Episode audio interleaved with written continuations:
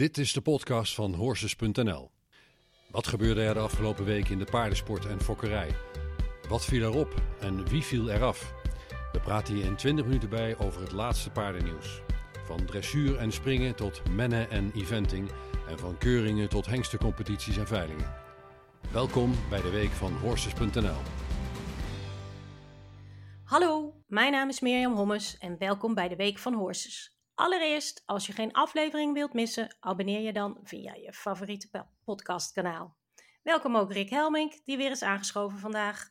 Hoi, ben ik weer. Hi, fijn. Rick, uh, je hebt deze week voor de Paardenkrant een essay geschreven over de toekomst van de paardensport en de maatschappelijke acceptatie daarvan.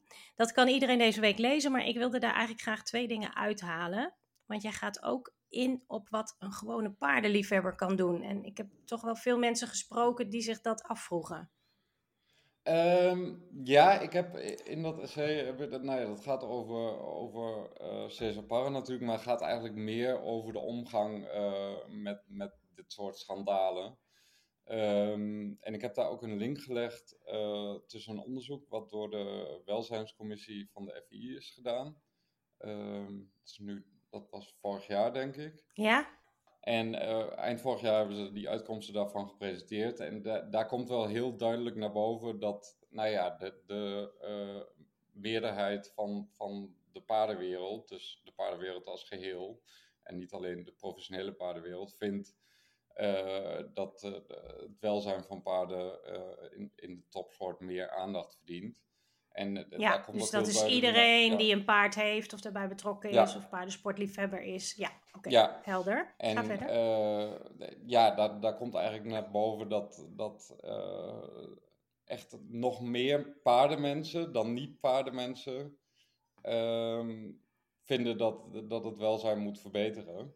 En, en als je het dan hebt over uh, mensen die zich zorgen maken, dan maken dierenartsen, dat is uh, bijna 90% van de dierenartsen maakt zich zorgen over het welzijn in de sport of topsport.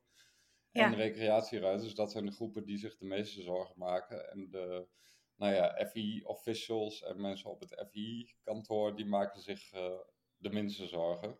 Dus ik vond het okay. wel aardig om dat in te betrekken, omdat ik ook denk dat ja, dat er bij de autoriteiten uh, toch niet de urgentie gevoeld wordt. Uh, en dat zie je nu ook weer aan para. Dat, de, ja, dat daar iets aan moet gebeuren.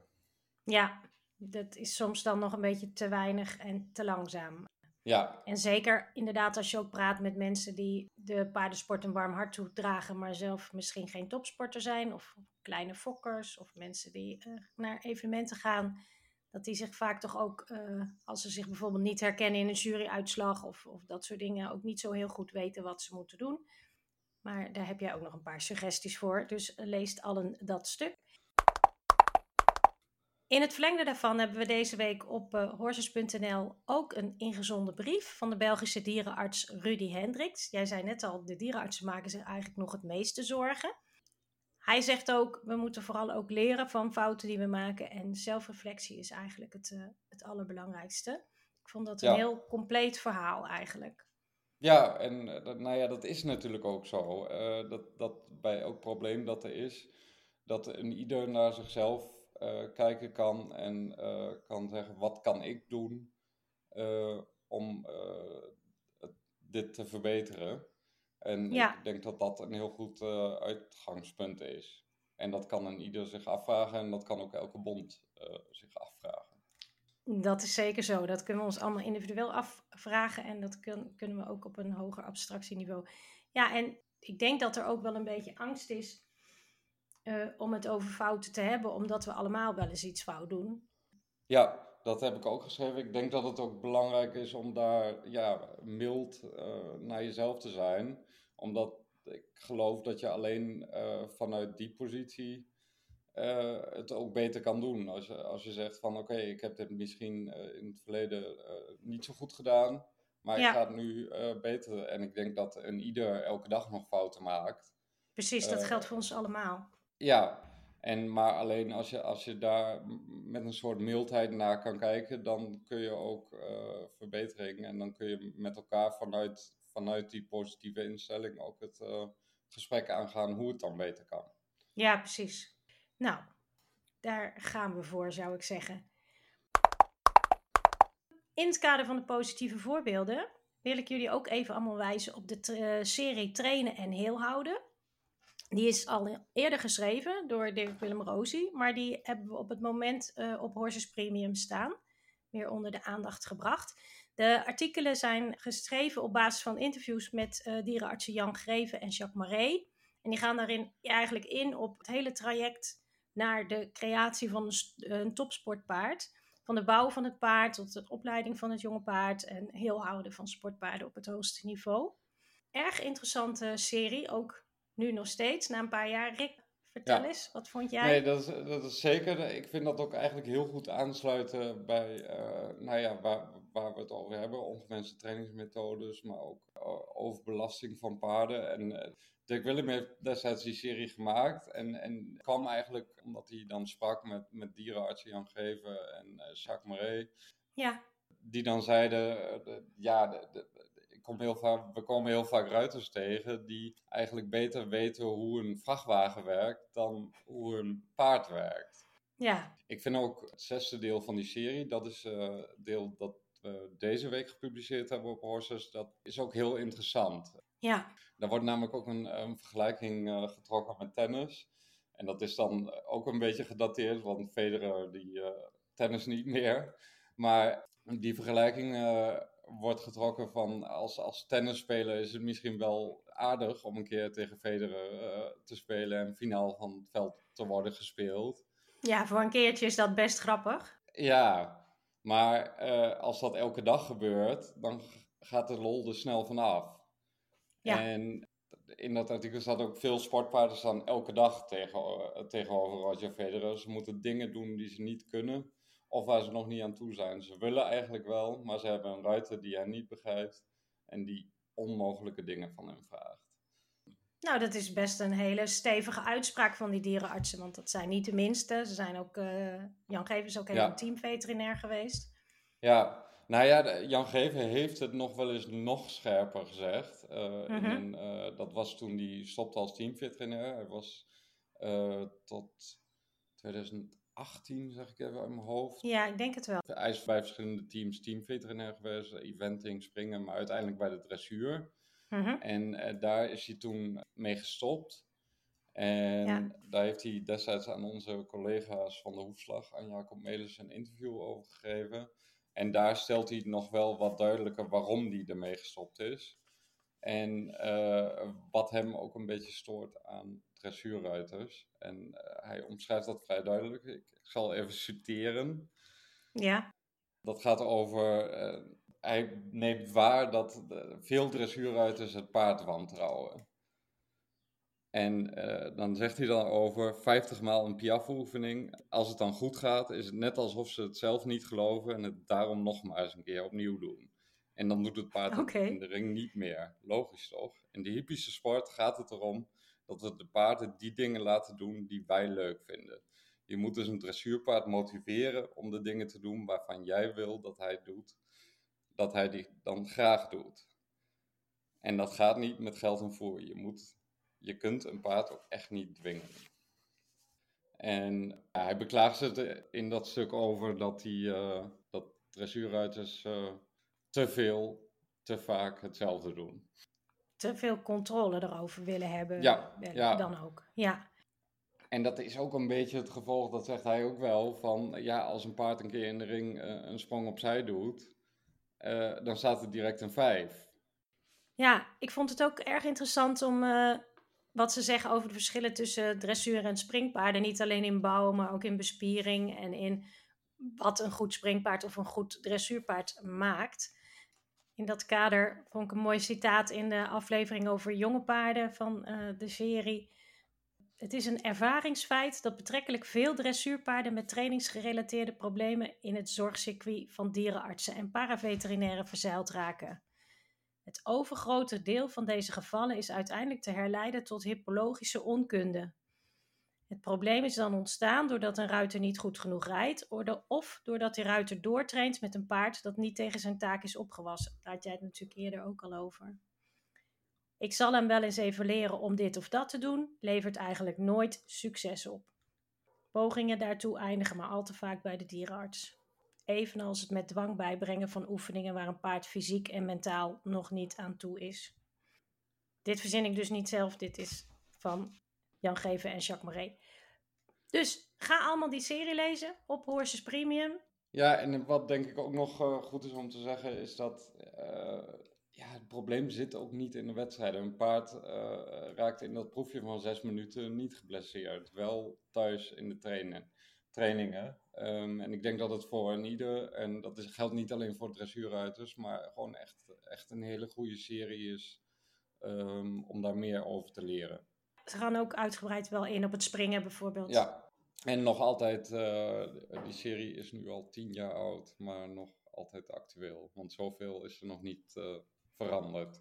Nee, dat is dan ook wel een constatering inderdaad. Dus alsnog heel leerzaam denk ik voor iedereen. Dan hebben we leuk nieuws, want jullie hebben het misschien al gezien. Deze week heb ik dressuur Amazone Dinja van Lieren te gast bij Horses TV. Zij kwam samen met Eugène Racing vertellen over haar paarden en over de weg naar Parijs.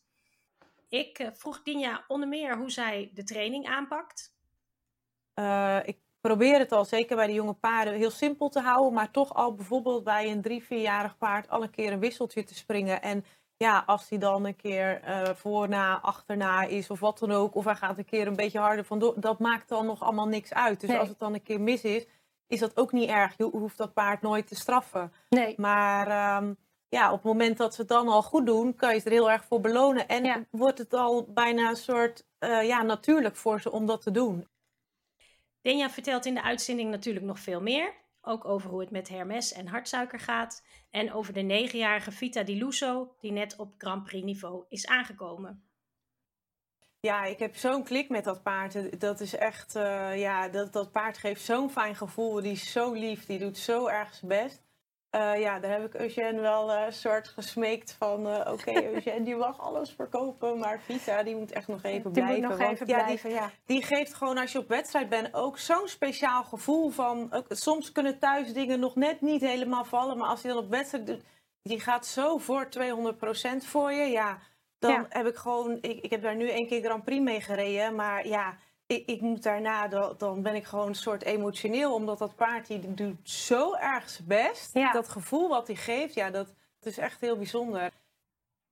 Het hele gesprek met Dinja en Eugène duurt ongeveer 40 minuten, dus ga dat vooral terugkijken via Horses TV. Dat kan je zien met een Horses Premium abonnement. Ook onze eerdere afleveringen over bijvoorbeeld jureren, jonge dressuurpaarden en ondermijning in de paardenwereld zijn daar nog te bekijken. Rick, wat staat er deze week in de krant? Nou ja, niet alleen maar uh, ellende, zoals die. Gelukkig. Maar ook een aantal uh, heel, heel leuke verhalen die, die er echt aan herinneren uh, wat de paardenwereld zo mooi maakt. Onder andere een verhaal over Isminka, die de wereldbeker in Bordeaux heeft gewonnen met Steve Cada. Haar fokker, dat is Jopie Kapper, die is overleden. Mm -hmm. um, maar Esther Berendsen, onze collega, die heeft uh, zijn vrouw wel gesproken. En daar komt duidelijk in dat verhaal naar voren dat uh, Isminka ook echt een, een, favoriet daar was al. Ja. Uh, omdat het ook echt de enige merrie uit hun fokkerij is die ze hebben laten rijden. En waarmee okay. ze de EPTM hebben gedaan. En ja, dat, ja, dat vind ik dan wel mooie dingen. Dat, dat zo'n paard, wat dan bij de fokker al de favoriet is, het dan later ook maar waarmaakt. Ja. Verder een verhaal met Barbara Brugge, dat is een politieagente. Mm -hmm. En Foxter, een eigenaar uh, van de Gelders premiehengst Ruisdaal, Ruisdaal van Ruinen. Okay. En dat is ook eigenlijk wel een, een heel grappig verhaal. Ze had een dekking gewonnen bij haar Friese. Drie jaar geleden, vier jaar geleden nu. Ja, ja. moet goed zeggen. Vier jaar geleden nu. En dacht van, nou ja, daar, daar, daar wil ik dan ook een dat twee veulens bij mij opgroeien. Dus dekte ze haar Gelderse merrie ook. Oké, okay, ja, je kan maar een reden hebben. en dat is nu een premiehengst. Dus uh, nou, dat is gewoon uh, echt, echt een leuk, leuk verhaal. Ja, hartstikke mooi. Dus dat is allemaal leuk om te lezen deze week in de paardenkrant. Dus ga dat vooral doen. Op de agenda voor het komend weekend een heleboel springwedstrijden. De mediterrane toeren zijn volop onderweg. Ook in Italië wordt gesprongen. Maar er is ook een grote wedstrijd in Opglabeek. Een viersterren springconcours. En dat is tegelijkertijd met de Zangersheidekeuring. Rick. Ja, dat uh, heeft Zangersheide vorig jaar voor het eerst georganiseerd. Daar was uh, iedereen heel uh, positief over. Over dat samenbrengen van sport en fokkerij. Ja. En dat is ook een vierster. En onder andere Willem Geven doet daar aan mee. Met Grandorado, met Minuteman en met Pretty Woman van Paradijs. Oké, gaan we allemaal volgen. Daarnaast uh, is er Neumunster, daar is de wereldbeker dressuur. Ja, en daar zijn ook twee Nederlandse uh, deelnemsters. Uh, dat mm -hmm. zijn Marieke van der Putten en Emily Scholtens. Oké, okay, wie hebben zij bij zich? Titanium en Indian Rock. En okay. Marieke rijdt ook nog lichte tour met Forza. Dat was het voor deze week. Bedankt Rick voor je bijdrage. Graag gedaan. Jij bedankt weer voor het luisteren. Vergeet niet om je te abonneren op deze podcast in je favoriete podcast-app. We zijn te vinden op SoundCloud, Spotify, iTunes, YouTube en Google Podcasts. Lees alles wat we besproken hebben terug op Horses Premium en in de paardenkrant van deze week. De links naar de berichten staan ook in de show notes bij deze podcast. Om onze berichten te lezen zul je soms een abonnement nodig hebben, want deze podcast is gratis, maar journalistiek is dat niet. Dit was de Week van Horses. Graag tot volgende week.